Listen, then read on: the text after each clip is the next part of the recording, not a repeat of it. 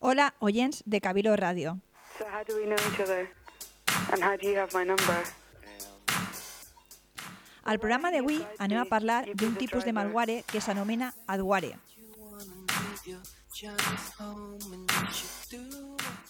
Però m'agradaria començar el programa parlant de dos termes o paraules a nivell informàtic que habitualment no es gasten correctament.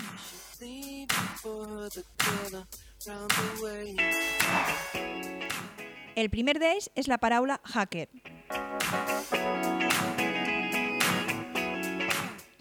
Este terme ha sigut inclòs en l'última edició publicada en el Diccionari de la RAE, però per suposat amb una definició molt simple i que no apanya a la majoria dels informàtics.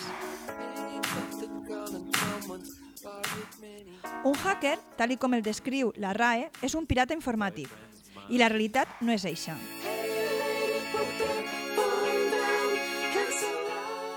Els hackers informàtics són investigadors que troben una errada en un sistema o en una aplicació i que comuniquen a les cases que les desenvolupen per a que ho resolguen. Amb la equivalència entre hacker i pirata informàtic està igualant-se la faena dels investigadors a la dels cibercriminals. No busquen la mateixa finalitat, per tant, no pot ser igual.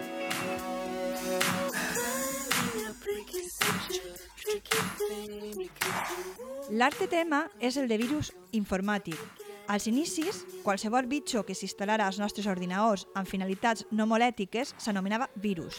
Però aquests programes maliciosos han anat evolucionant tant que hi ha, hi ha diferents tipus de malware i, per tant, la forma correcta d'anomenar-los, de forma general, és malware, no és virus informàtic.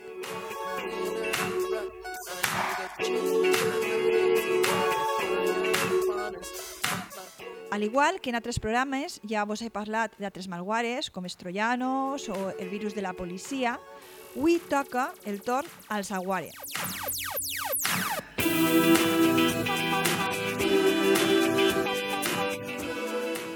Segur que molts de vosaltres, després d'un temps de gastar l'ordinador de forma continuada, d'haver instal·lat algun programeta, heu notat que, que va a pedals, que obriu una pàgina web i vos n'ixen 3 o 4 més de publicitat que ni heu demanat ni sabeu per què estan ahí.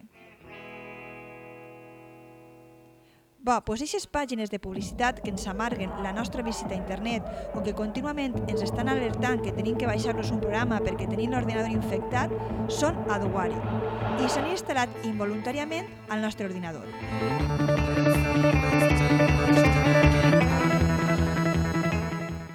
Com s'instal·la?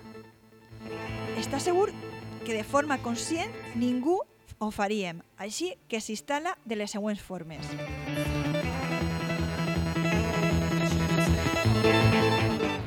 Com a part de programes gratuïts que ens descarreguem, vos poso un exemple. Em baixa des d'internet un programa gratuït per reproduir qualsevol vídeo. Durant el procés d'instal·lació, m'ixen almenys tres pantalles en les que veig que està demanant-me permís per instal·lar tres programes diferents que res tenen que a veure en el programa per reproduir vídeo. Per suposat, quan no he llegit el que posava i li he donat següent, següent, a l'acabar tinc el meu programa per a reproduir vídeo i a part de regal, tres programes més que són adwares. L'altra forma de, de, de que ens entre l'adware pot ser a l'accedir a pàgines web infectades. Eh, per posar-vos un exemple, mm, segurament haureu accedit a pàgines que només entrar és com una pàgina inicial on ens diuen que som l'usuari tal i que hem guanyat un iPhone 6 que apretem a un enllaç i, seu, i obtendrem aquest premi. Que sort! Només per aquesta acció, en la que hem punxat a un enllaç, ens haurà descarregat un programeta d'Audware i, per a postre, no hem guanyat cap d'iPhone 6.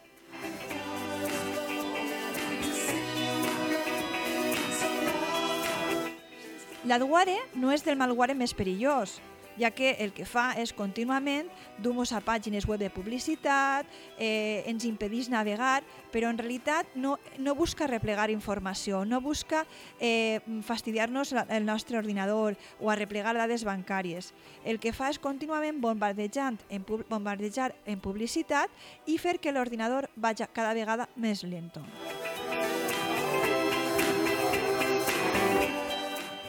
Consells per poder evitar-lo.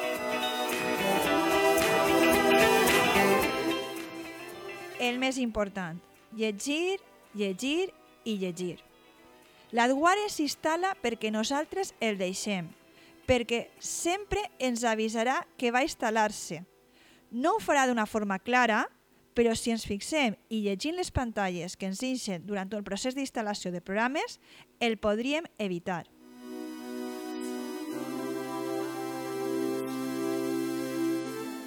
Un altre consell.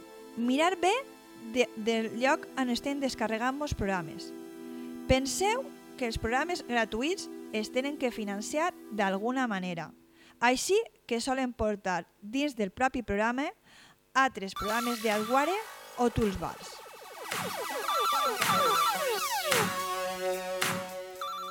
Tercer consell. Mm, atenció on apretem al visitar pàgines per internet – i desconfieu de regals, perquè ningú dona duros a quatre pessetes.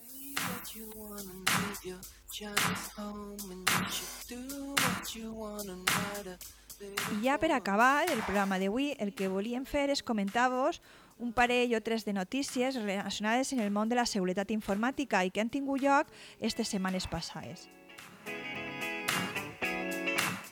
Tots els mitjans de comunicació s'han fet ressò de que el WhatsApp ja encripta la informació que envia.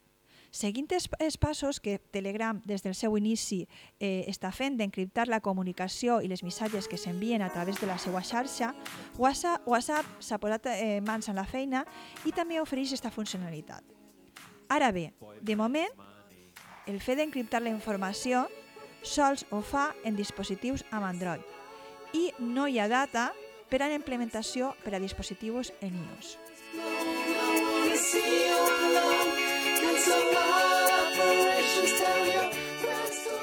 La segona notícia a mi em fa un poc de vergonya i és que el Microsoft, una empresa tan gran, tan, eh, en, en principi tan gastada per, per tots els usuaris, ha tardat en resoldre 19 anys una vulnerabilitat eh, o errada, un fallo, que venia arrastrant-se des de Windows 95. És vergonyós perquè, a més, aquesta vulnerabilitat és considerada de les importants, de les crítiques. Per tant, ha estat ahir accessibles a eh, pirates informàtics o a ciberdelinqüents durant aquests anys.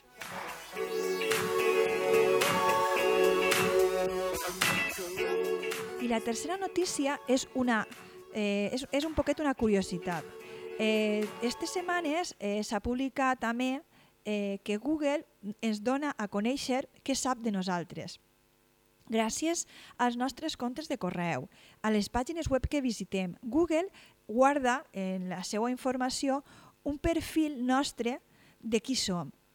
Si teniu curiositat per saber exactament què està, què està guardant Google de nosaltres o quina idea té Google nostra, de la, del nostre perfil, el podreu veure en AdSense. Eh, sols cal buscar este terme a Google, vos registreu amb el vostre compte de, de Gmail i veureu exactament quina informació té vostre, és dir, el, tipus, el gènere, les pàgines eh, web que vos interessen. És una curiositat, però és, mm, també ens obre una porta a tot el que eh, una empresa tan gran com Google pot arribar a saber de nosaltres.